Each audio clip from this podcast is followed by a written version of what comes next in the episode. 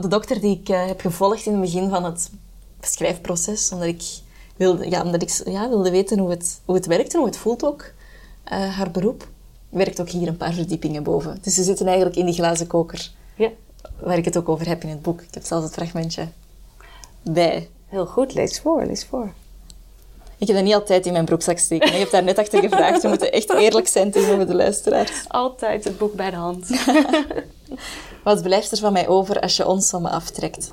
Een vrouw in wit. Een vrouw in wit in een gang vol glas. De afdeling intensieve neonatologie ligt naast het ziekenhuis in een achthoekige toren. Niet alleen de buitenwanden van de kamertjes zijn van glas, ook de muren tussen de kamers en de gang, waardoor de kamers levensgrote couveuses lijken. De filosofie daarachter is dat de ouders een uitzicht nodig hebben. Het zou een zwevend gevoel moeten oproepen, de architecten associëren dat met hoop. Ik heb na een paar weken toch gordijnen laten ophangen, om de ouders een beetje privacy te geven. Dit is Lopen met Lebowski.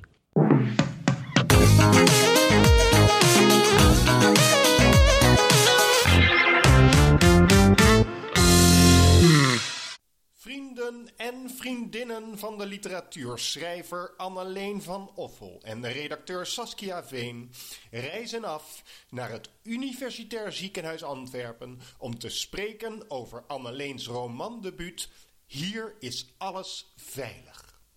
Opgesloten in een borstvoedingslokaal spreken ze over Anneleens reizen naar Israël, waar het boek zich afspeelt, over hoe Anneleen op een haar na geen schrijver, maar arts was geworden, over onze blinde vlekken als we nadenken over een andere en onze eigen cultuur en over Anneleens lange weg naar het debuteren toe. Amusez-vous.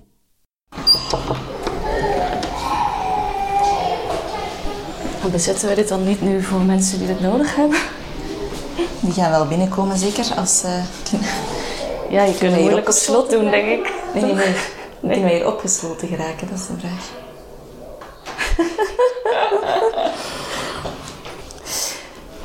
Ik sta hier met uh, Anneleen van Offel in een borstvoedingslokaal in een ziekenhuis in Edegem. En dat is het ziekenhuis waar haar hoofdpersoon eh, Lydia Lamol eh, arts op de ne- neonatologie is. Vandaar dat wij hier in dit lokaal staan van 2 bij 2, denk ik. Met enkele geplastificeerde ja, hulpmiddelen voor het, borstvoeden. heel erg warm. Het is heel warm en er krijgen kinderen buiten. En we gaan proberen om een boek te introduceren. We hebben onszelf daarvoor eigenlijk ook opgesloten. Het is Ja. niet heel zeker of we hier nog weg geraken. Nee, dat. En het kan Mooie ook podcast. ieder moment iemand binnenkomen om, eh, om te gaan borstvoeden. Goed, verder gaat het boek daar eh, helemaal niet over. Ehm, want het boek gaat over een arts, Lydia Lamol. En zij woont in België en zij ontvangt een bericht van haar stiefzoon Emmanuel, die ze tien jaar niet heeft gezien. Kom naar Israël, mama. En zij besluit dat te doen. Zij eh, vertrekt naar Israël en komt daarachter dat het te laat is. Eh, hij heeft een einde aan zijn leven gemaakt. Geen En- spoilers. ja, nee, dat Eerste staat op de eerste eigenlijk. pagina, dus eh, dat, is, eh, dat is verder oké. Verder is het overigens wel heel moeilijk om een samenvatting te geven die niet te veel weggeeft, want er gebeurt heel veel in het boek. Het is ontzettend spannend en eh, veel lagig, durf ik wel te zeggen. Maar goed, zij komt daar aan en ze ontdekt dat Emmanuel verslaafd is geweest in Tel Aviv. dat hij een roerige legerdienst achter de rug heeft gehad in Hebron. En zij wil op zoek gaan naar haar ex, Joachim. En ze heeft vragen. Ze wil weten waarom was hij niet op de begrafenis? Eh, waarom was Emmanuels hand zo verminkt? Wat is er gebeurd? En had ik iets kunnen doen om het te voorkomen? Ja, vooral dat eigenlijk, hè? Ja, Ja. vat ik het zo een beetje samen? Ja. Zonder al te veel weg te geven. Hebt dat echt heel goed gedaan. Ik heb het echt al op tien verschillende mani- manieren geprobeerd om te samenvatten. Maar ja, Ja. elke- keer volg ik toch een andere weg in het boek. Dat is wel mooi eigenlijk. Ja, Ja. Het is mooi dat je verschillende wegen kan volgen in het boek. Je kan het lezen als een spannend verhaal, als wat is er gebeurd met zijn hand en, en hoe komt het dat hij dood is. ja.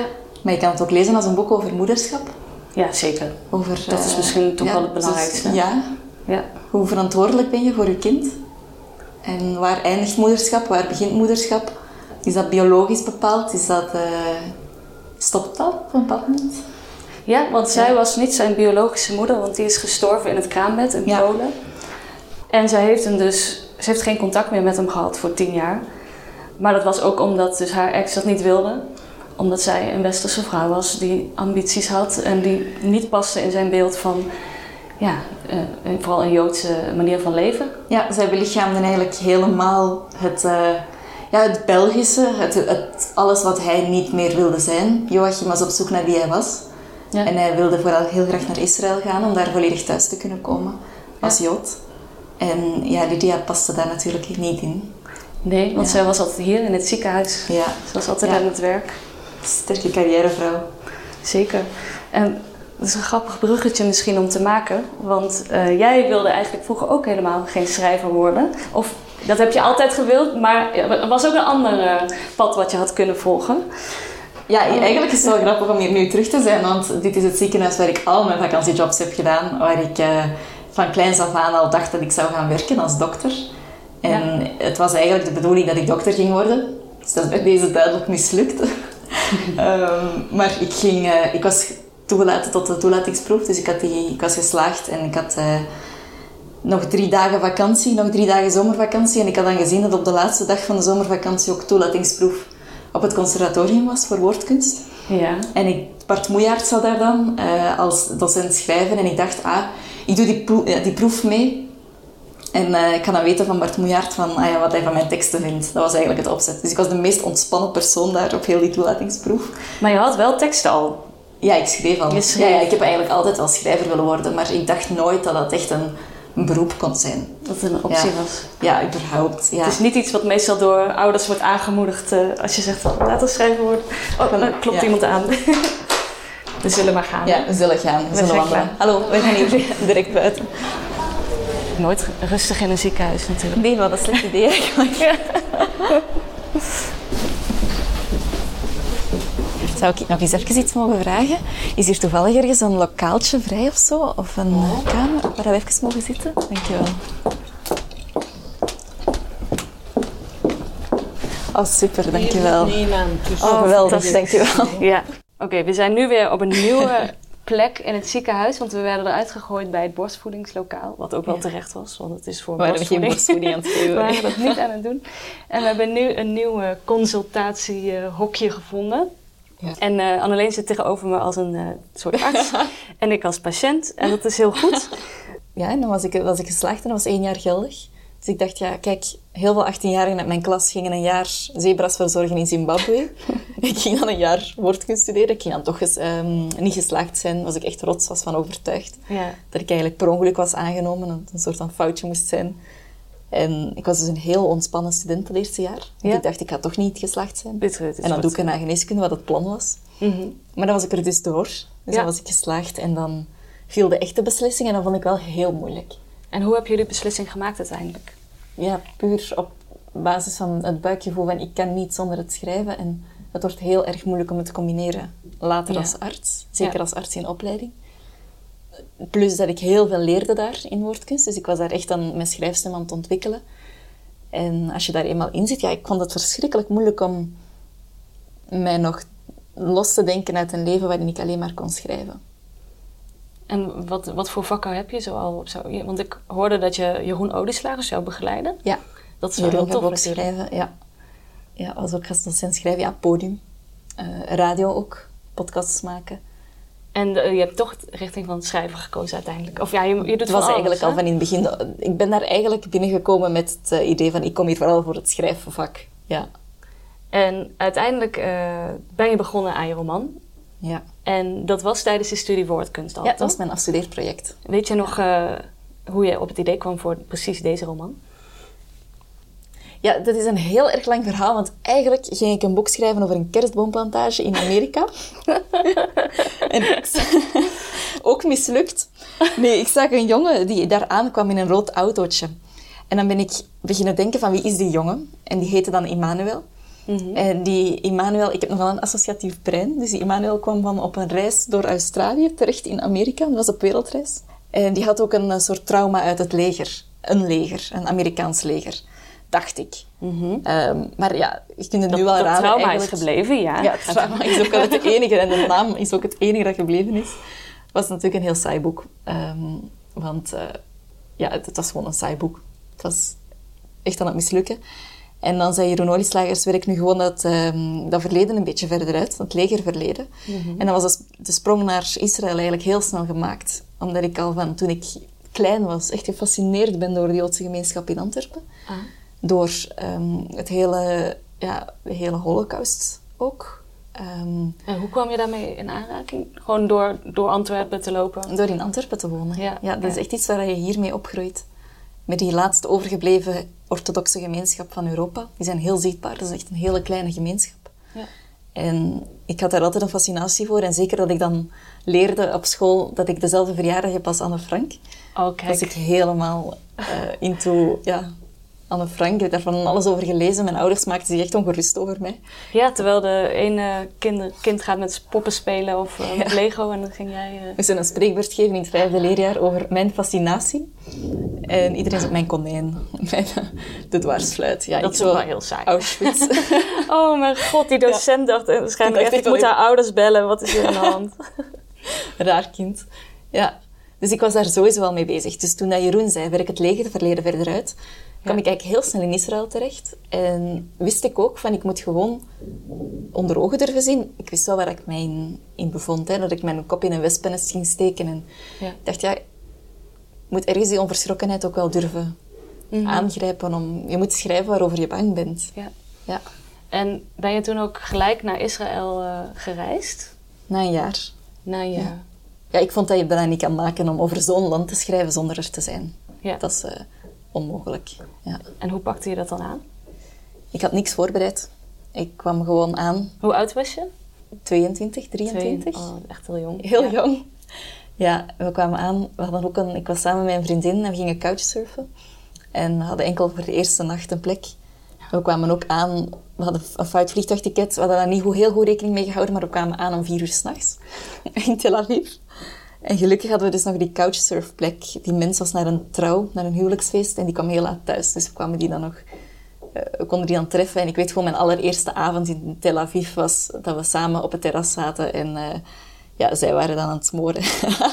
Aan het smoren? smoren, wiet, wiet. Oh. Oh, daar hebben we al de eerste taalverwarring. Ja.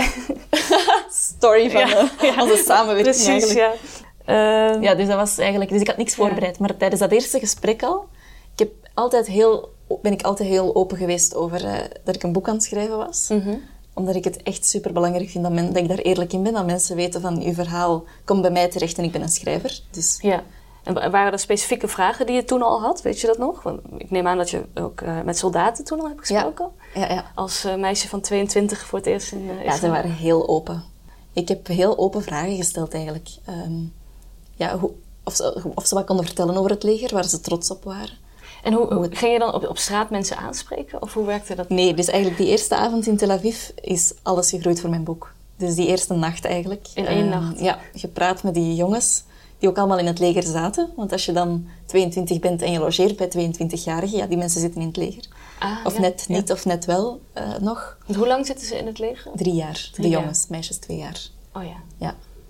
Oh, dat Dus- was wel echt perfect voor je boek dan, dat je Ja. bij hun eh, terecht kwam. Ja, absoluut. En eigenlijk, tot mijn grote verbazing, waren zij direct heel open. Dus zij hadden echt het gevoel van, oh, ik, ik kan ook mijn verhaal eens een keer vertellen. Ja. En het is anoniem, want je maakt er toch personages van. Ja. En je gaat daarna weer weg.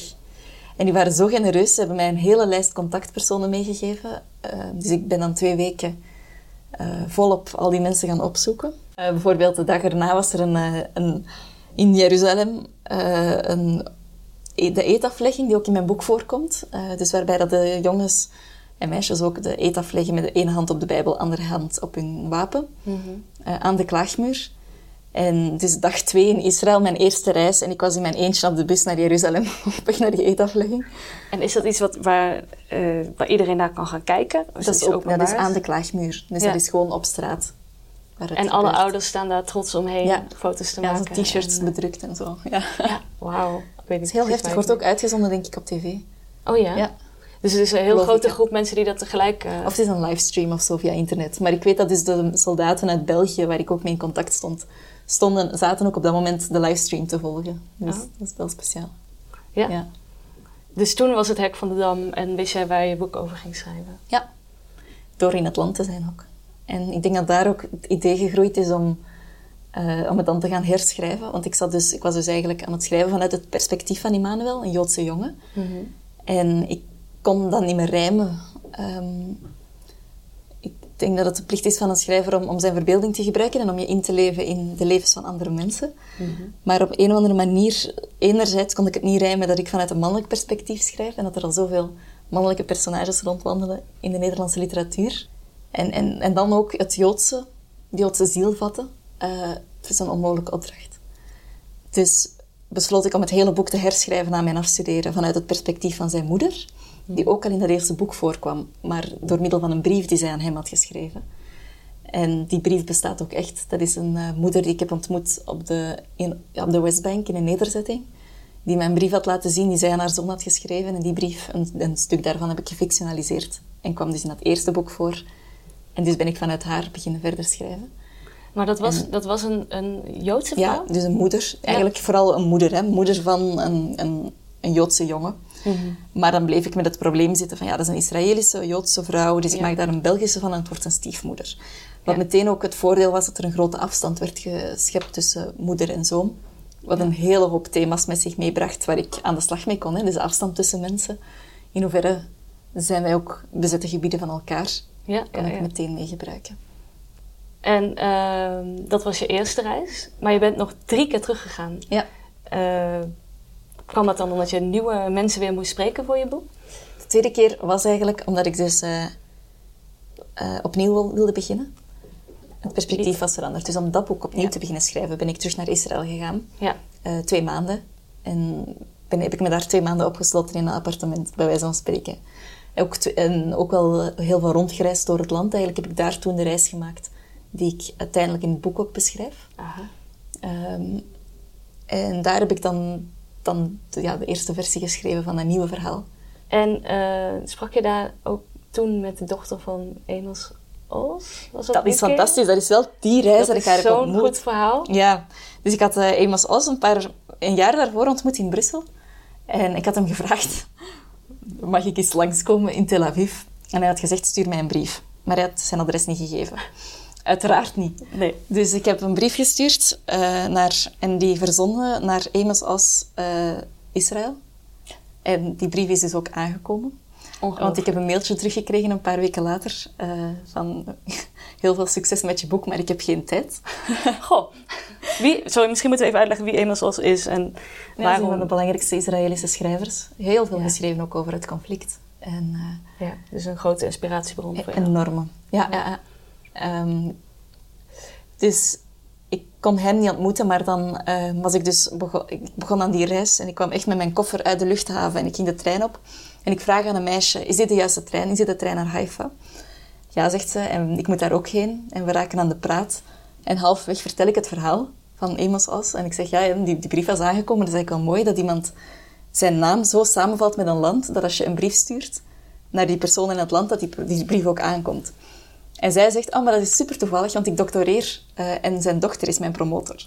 Nou, Ik echt. bedoel, dat zijn de kansen. Ja. En zo heb ik dus ook zijn dochter ontmoet. En daar ook bijna elke reis die ik naar Israël heb gemaakt, heb ik haar ook ontmoet. Je bent altijd naar haar teruggekeerd. Ja, ja, ja. En eh, volgens mij heeft zij ook wel belangrijke inzichten over het boek gegeven, toch? Ja, zij heeft uiteindelijk, zij is cruciaal geweest.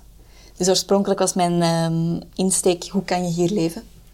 Eh, het ging over blinde vlekken. Het gaat ook nog altijd over blinde vlekken, maar ik Ja. focuste mij vooral op Israël. En Israël eigenlijk als een spiegel voor het, ehm, de twijfel die mijn personage had. En zij zei, maar waarom kan jij leven in Brussel? Ja. Hoe doe je dat dan? Die- dus de twijfel die je personage had over het leven in Israël, eh, over het conflict daar. Ja, het schuldgevoel van mijn hoofdpersonage is van Lydia. Dus ik, ik zocht vooral naar een, een schuldgevoel van Joodse ouders dat een kind naar het leger gaat. En dat zou dan in, de, in mijn hoofd, hè, rijmde dat dan perfect met het eh, schuldgevoel van Lydia. Ehm, en zij zei, nee, gebruik het als een gebroken spiegel. Want je kan nooit, eh, wat een land, wat je projecteert op een land, kan, is nooit waar. Wij projecteren voortdurend van alles op elkaar. Mhm. En op die manier is Israël ook weer een bezet gebied, omdat iedereen het gebruikt voor zijn eigen verhaal. Ja, je? Want zij kon niet eh, geloven dat haar zoon iemand was geworden die in het Joodse leger ook bij Palestijnen naar binnen is gegaan, midden Ja. in de Dat nacht. is heel moeilijk. Dus dat is inderdaad het, het, de, de zoektocht die zij eh, ondergaat. Of van wat heeft hij gedaan? En Hoe is kon, mijn hoe zoon kon hij dat, eigenlijk- eh, hoe kon Ja. hij dat doen? Ja. Hoe is mijn zoon veranderd in het leger? Maar ook dat is dus echt een heel particulier verhaal van een personage en zegt niks over het leger. Het is ook helemaal mijn opzet niet geweest om iets te vertellen over het leger en hoe mensen dan veranderen daaronder. Nee. Het is echt over hoe die jongen eigenlijk een zoektocht naar de liefde van zijn vader en hij Ja. gaat dan heel ver om die liefde te krijgen. Te ver. Ja. Ja. Ja, over dat gesprek met Fania Os, Salzberger. Eigenlijk heeft zij mijn blik gewoon 180 graden gedraaid. Dus ik zat daar om haar te vragen, hoe kan je hier leven?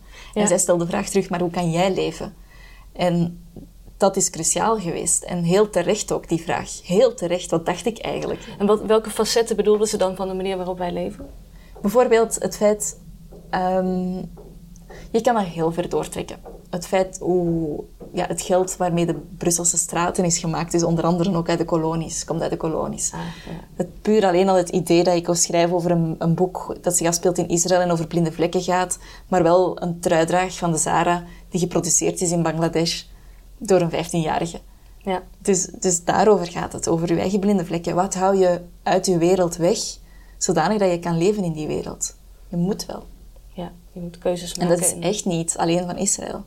Nee. Maar ik heb wel voor Israël gekozen, omdat het ook een land is waar familie zo belangrijk is. En omdat het, eh, ja, omdat het thuis is van Joachim, waar Joachim eindelijk kan samenvallen met wie hij is.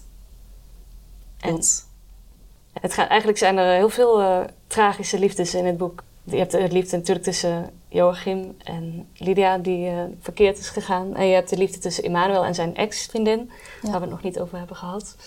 Eh, toch ben je zelf net gelukkig getrouwd, geloof ik. Ja, ik heb een fantastisch leven ja, eigenlijk. precies. Dus eigenlijk, je schrijft gewoon over alles waar je misschien je grootste angsten, maar... eh, da- Ik daar weet, er is zo een stuk in het boek eh, waarin Lydia eigenlijk beschrijft wanneer het uitgaat tussen haar en Joachim. En dat heb ik geschreven in Israël tijdens mijn laatste reis. Mhm. En heb ik echt geschreven vanuit mijn eigen relatie. Vanuit als het mis zou lopen tussen mij en mijn man. En ik was daar kapot van. Ik was toen, eh, ja, emotioneel echt heel... Dat was, het kwam heel dicht. Dus ik probeer eh, omdat wel- je daar zo, zo goed kon voorstellen dat Ja. dat zo erg zou zijn. Zo pijnlijk zou zijn. Ja, ik moest het zo dicht laten komen, omdat het anders steriel proza bleef. Eh, je bent nog, daarna nog twee keer teruggegaan, ook naar Israël. Ben je misschien wat minder naïef geworden in het... oh, ik ga daarheen en ik kijk wel waar ik uitkom? Of ben, ben je inmiddels gewoon helemaal thuis in Israël? Ja, dat is het grote probleem van Israël, is dat je, als je zoveel mensen, die zijn zo warm en zo gastvrij. Ja, En als keerzijde is het dat ze niet kunnen verkroppen dat je niet langskomt op bezoek als je in het land bent. aha. Dus op een bepaald Dus je moment... moest weer bij iedereen Ja, langs. op een bepaald moment werd Daarom mijn ben je vier keer naar Israël. Ja, werd mijn reis ook gewoon het bezoeken van de mensen die ik al kende daar. Wat ook leuk was, want je hebt dan diepere gesprekken. En Ja. het was altijd nuttig. Ja. Ik heb daar bijvoorbeeld een Israëlische schrijfster opgezocht die ik in Brussel ook heb toevallig leren kennen. En bij haar ook blijven overnachten, het over mijn plot gehad en zo. Dus ik heb me altijd wel laten leiden door toevallige ontmoetingen. Enerzijds en anderzijds een paar mensen die ik echt wel eh, specifiek wilde spreken over een bepaald thema. Maar meestal gingen de meeste ontmoetingen zijn echt spontaan gebeurd. Ook wat mensen spontaan vertelden en zo. En ga je denk je nog terug? Ja. Ik kan me heel moeilijk voorstellen dat ik na al die reizen nu door Israël kan reizen zonder aan een boek te werken. Zonder Ja. het, wat ik zie te gebruiken voor proza, voor fictie. Ja. Ik weet niet of ik dat los kan laten. Ik ben heel benieuwd waar je volgende reis eh, naartoe gaat. Ehm, zeven jaar. Kon jij op je 22e eh, dit boek schrijven zoals je het nu hebt geschreven? Absoluut niet. Nee. Nee. Het boek is echt met mij meegegroeid. Ik ben er nu 28. En ik denk echt, het boek is echt met mij meegegroeid. Als je zo nu naar de tekst kijkt, kan je ook bijna als een archeoloog, of ik kan als een archeoloog gaan kijken naar de lagen die eronder zitten en weten, ah ja, dat stuk heb ik daar geschreven. Ah ja, dat was nog in mijn vorige atelier, in mijn vorige stad. Mhm. Dat stuk daar. ehm, het werd ook, de tekst werd ook altijd te klein. En daarom ben ik heel vaak opnieuw begonnen. Omdat mijn stijl zich verbeterde. Ja. Omdat ik ook een duidelijker beeld kreeg wat ik per se wil vertellen met, de, met het verhaal. Ik vind het heel belangrijk dat er een noodzaak in zit. En dat het... Het mocht niet... Het moest dieper gaan dan wat er net onder de oppervlakte zit. Dus ik moest mezelf kunnen verbazen. Dus ik moest ook over heel veel schaamte heen. En En waar zat die schaamte dan in? in bepa- over bepaalde thema's. Ehm, ik moest durven schrijven over waar ik bang van was ook. ik moest die relatie tussen de drie personages echt tot op het bot uitbenen. Om te kunnen... Ja, om te kunnen vinden dat het, eh, het boek rauw genoeg is of zo. Ja. Zijn er ook momenten waarop je de handdoek in de ring eh, wilde gooien? Ja. Zeven jaar is een lange tijd. ja, maar het, klinkt, zeven jaar zijn natuurlijk verschillende fases geweest. Ja. En door een paar keer opnieuw te beginnen, had ik een paar keer ook echt wel nieuwe zuurstof en nieuwe energie. Werkte eerder stimulerend dan ontmoedigend. Ja. En natuurlijk zijn er momenten geweest, zelfs één heel erg concreet moment, ehm, dat ik eigenlijk besloten had om te stoppen, omdat ik dacht, ja, ik ben gewoon iets aan het afmaken waar ik aan begonnen ben. Mm, je had En- er eigenlijk geen zin meer in. Op dat Ja, ik geloofde er gewoon niet meer in. niet meer. Eh. Maar dan, meteen nadat ik het besloten had, voelde ik zo'n verschrikkelijk verdriet dat ik dacht, ja, ik ben hier echt iets kwijtgeraakt. Echt Ja. iets van mezelf kwijtgeraakt. En waarom wilde je op dat punt stoppen? Omdat ik dacht dat het niet goed genoeg was. Ik was ervan overtuigd dat het niet goed genoeg was. En welk punt was dit? En wanneer was Het was eigenlijk vlak voor dat ik naar jullie heb opgestuurd. Nee, vlak nadat ik naar jullie heb opgestuurd. Want het grappige was, ik zat in de keuken van een vriendin. Ik had het besloten. Ik was eigenlijk uh, helemaal emotioneel. En zij was heel opgelucht. Ze zei van, ja, dit is het gezondste voor u. Oh, En op dat vriendin die moment- blij is dat je het uitmaakt met je Ja, vriend, omdat ze al lang zag dat het een Dat ongezonde relatie was. ja. ja. En op dat moment pling in mijn mailbox. En, en het klinkt als een verhaal. En het is heel stom, maar het is echt waar. Het is echt zo gebeurd. Kreeg ik mail van Jasper. Van kom eens op de koffie in Amsterdam. Dus Mhm. Ik besliste eigenlijk onmiddellijk om ermee verder te gaan. Ja. En toen zijn we er nog twee jaar door eh meegegaan. Hè? Ja, en vanaf dan is echt eh, heel veel last van mijn schouders gevallen. Omdat ik in alle rust kon schrijven en met jou er ook over eh, praten. En ja, dat, dat, dat miste ik ook al ervoor. Iemand die mij buiten mijn eigen hoofd liet denken. Want je denkt altijd maar in je eigen hoofd en, en wat jij denkt. En een boek wordt gewoon veel beter als je er met andere mensen over praat. Want deed je dat daarvoor dan niet? Want je had wel af en toe contact met Jeroen Olieslagers, toch? Ja, en ik had ook vrienden die meelazen en zo. Maar het, Ja. het samenwerken met een uitgeverij gaat echt nog wel dieper. Ja. Ja. We zijn streng. ja. ja. Al dat eeuwige begin, hè, dat moest de hele tijd opnieuw. Dat was steeds niet goed. Ik denk echt dat ik vier verschillende beginhoofdstukken heb gehad of zo. Was dat het moeilijkste, het begin? Ja, het moeilijkste was, je, hebt, je weet ongeveer wat het belangrijkste beginpunt is en het belangrijkste eindpunt en waar ongeveer een hoogtepunt gaat komen. Maar hoe kan je, wat, hoe beslis je wat dat daar allemaal binnenvalt? Dus het, eh, de eerste, ik denk dat het begonnen is, eh, in de versie voor deze versie stapt Lydia uit het vliegveld, uit het vliegtuig. Ja. En hebben we heel de taxirit tussen Tel Aviv en Haifa, waarin haar angst groeit. Maar dan dachten we, nee, we moeten het dichter bij Emmanuel.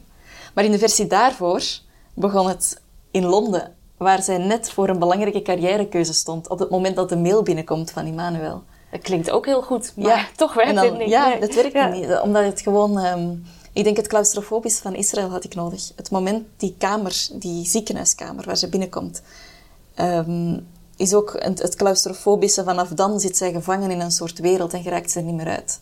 Dus het moest zich 100% in Israël afspelen. En pas achteraf heb ik dan de stukken in België daar terug doorverweven. Het moment waarop zij Joachim eh, wegrijdt van Joachim wanneer hun huwelijk barst. Ja. Maar dat is achteraf pas. Ja, je werkt heel erg veel met, eh, met tijdsprongen en vooruitwijzingen. En dat je een hoofdstuk begint als lezer en dat je denkt, Hè, wacht, wie is dit? En dan, oh, en dan valt alles op zijn plek. Dus net eh, het achterhouden van informatie doe je heel knap zo naar het einde toe. En dan precies in het midden. Maar dat mag ik niet zeggen. Oké, Spoiler. Mm, waarom het zo lang geduurd heeft. Het zijn ook gewoon echt grote thema's, hè? Israël, rouw, moederschap. Het, eh, ik heb heel dikwijls te horen gekregen, zou je niet gewoon een makkelijk boek schrijven over iets dat zich in België afspeelt? ja. En dat had ik wel gekund, maar dat vind ik gewoon niet uitdagend genoeg, niet interessant genoeg. ja. Waren er ook mensen boos die uit Israël kwamen dat jij daarover ging schrijven? Of waren ze allemaal, wilden ze graag een verhaal verspreiden? Ik heb eigenlijk heel weinig slechte reacties gekregen Mhm. in Israël zelf. Ik denk dat het wel te maken heeft met... Ik, heb er, ik ben er altijd al heel bewust, heel voorzichtig ook mee omgesprongen. Ja. En ik wist van in het begin dat het geen politiek boek ging worden. Omdat die politiek zo, genuan- zo gelaagd is en zo complex is ook. En, Ja. en dat er tegelijk, ja, wat er gebeurt, gebeurt er. En ik, ik wilde mij... Daar, daar ging het eigenlijk niet over. En je liet heel veel verschillende stemmen ook aan het woord. Hè? Ja. Van alle Ja. kanten van het verhaal. Ben ik daar ook gaan opzoeken. Omdat ik het echt, vanaf het moment dat ik het gevoel had, nu begin ik het te begrijpen, zat ik ook echt op mijn, ehm, was ik ook heel alert. Omdat het zou betekenen dat ik misschien te veel één kant zou gaan begrijpen. Ja. Dus ik heb ervoor gezorgd dat ik, het altijd, dat ik mezelf altijd terug om, omverwierp. En daarom vind ik het nu ook heel erg moeilijk om iets te zeggen over het conflict. Omdat ik Ja. al die verschillende stemmen in mijn hoofd hoor. En, en ook niet ben gaan zoeken naar een, een waarheid of naar een oplossing. Al helemaal niet. Maar, een, Nee. maar eerder, wat doet het met verschillende mensen? En wat heeft het gevolg, het- de voorgeschiedenis van mensen als ehm, effect op hoe dat zij zich daar een leven opbouwen? Ja, vandaar zeven jaar. Ja, precies. Ja. Ja. En zijn er ook, heb je ook ondertussen, je hebt veel andere dingen gedaan, neem ik aan. Hoe heb je je als auteur ontwikkeld in die tijd? Eh, je hebt bijvoorbeeld volgens mij veel eh, schrijfopleidingen gevolgd. Eh, of zomerkamp van Das Mag, eh talentpool van Lebowski. Ja, Dat soort. eh, je bent wel blijven zoeken naar nieuwe, nieuwe ja tuurlijk. eh, tools. Zoeken naar, te naar contacten ook, hè? naar, naar Ja. medeschrijvers die, hetzelfde, die met hetzelfde bezig zijn. Dus ik heb, ehm, ben meegeweest met Asmag op zomerkamp, waar ik ook Kasper heb leren kennen. Mhm. En dan de Parijsresidentie van de buren. En ik zat, ook, eh, ik zat dan ook in de talentpool. Wat eh, allemaal heel fijn is om gewoon te ontdekken dat je niet alleen bent. Ja, want wat zou je inderdaad beginnende schrijvers mee willen geven? Of van, je hebt nu zo'n reis achter de rug naar dit debuut toe. Eh, wat, ja, wat zou je tip zijn voor beginnende schrijvers? Laat het niet te vroeg los. Ik denk, als je denkt dat het goed is, moet je misschien toch nog iets dieper gaan. Totdat je denkt, ik kan dit verhaal op geen enkele andere mogelijke manier nog vertellen. En dat punt heb ik nu bereikt, dat ik denk, het is dit of het is niks. En al die jaren ervoor had ik ook nog andere manieren om het verhaal te vertellen. Ander perspectief, andere tijd, andere thema's. En dan denk ik, nee, dan is het, dan is het gewoon nog niet klaar. En nu, nu komt eigenlijk de spannendste fase hè, voor het boek. Nu gaat het eh, de wijde wereld in. Ja. Heb je een beetje zin in? Heel veel, ja. Je hebt het al die tijd bij je moeten houden.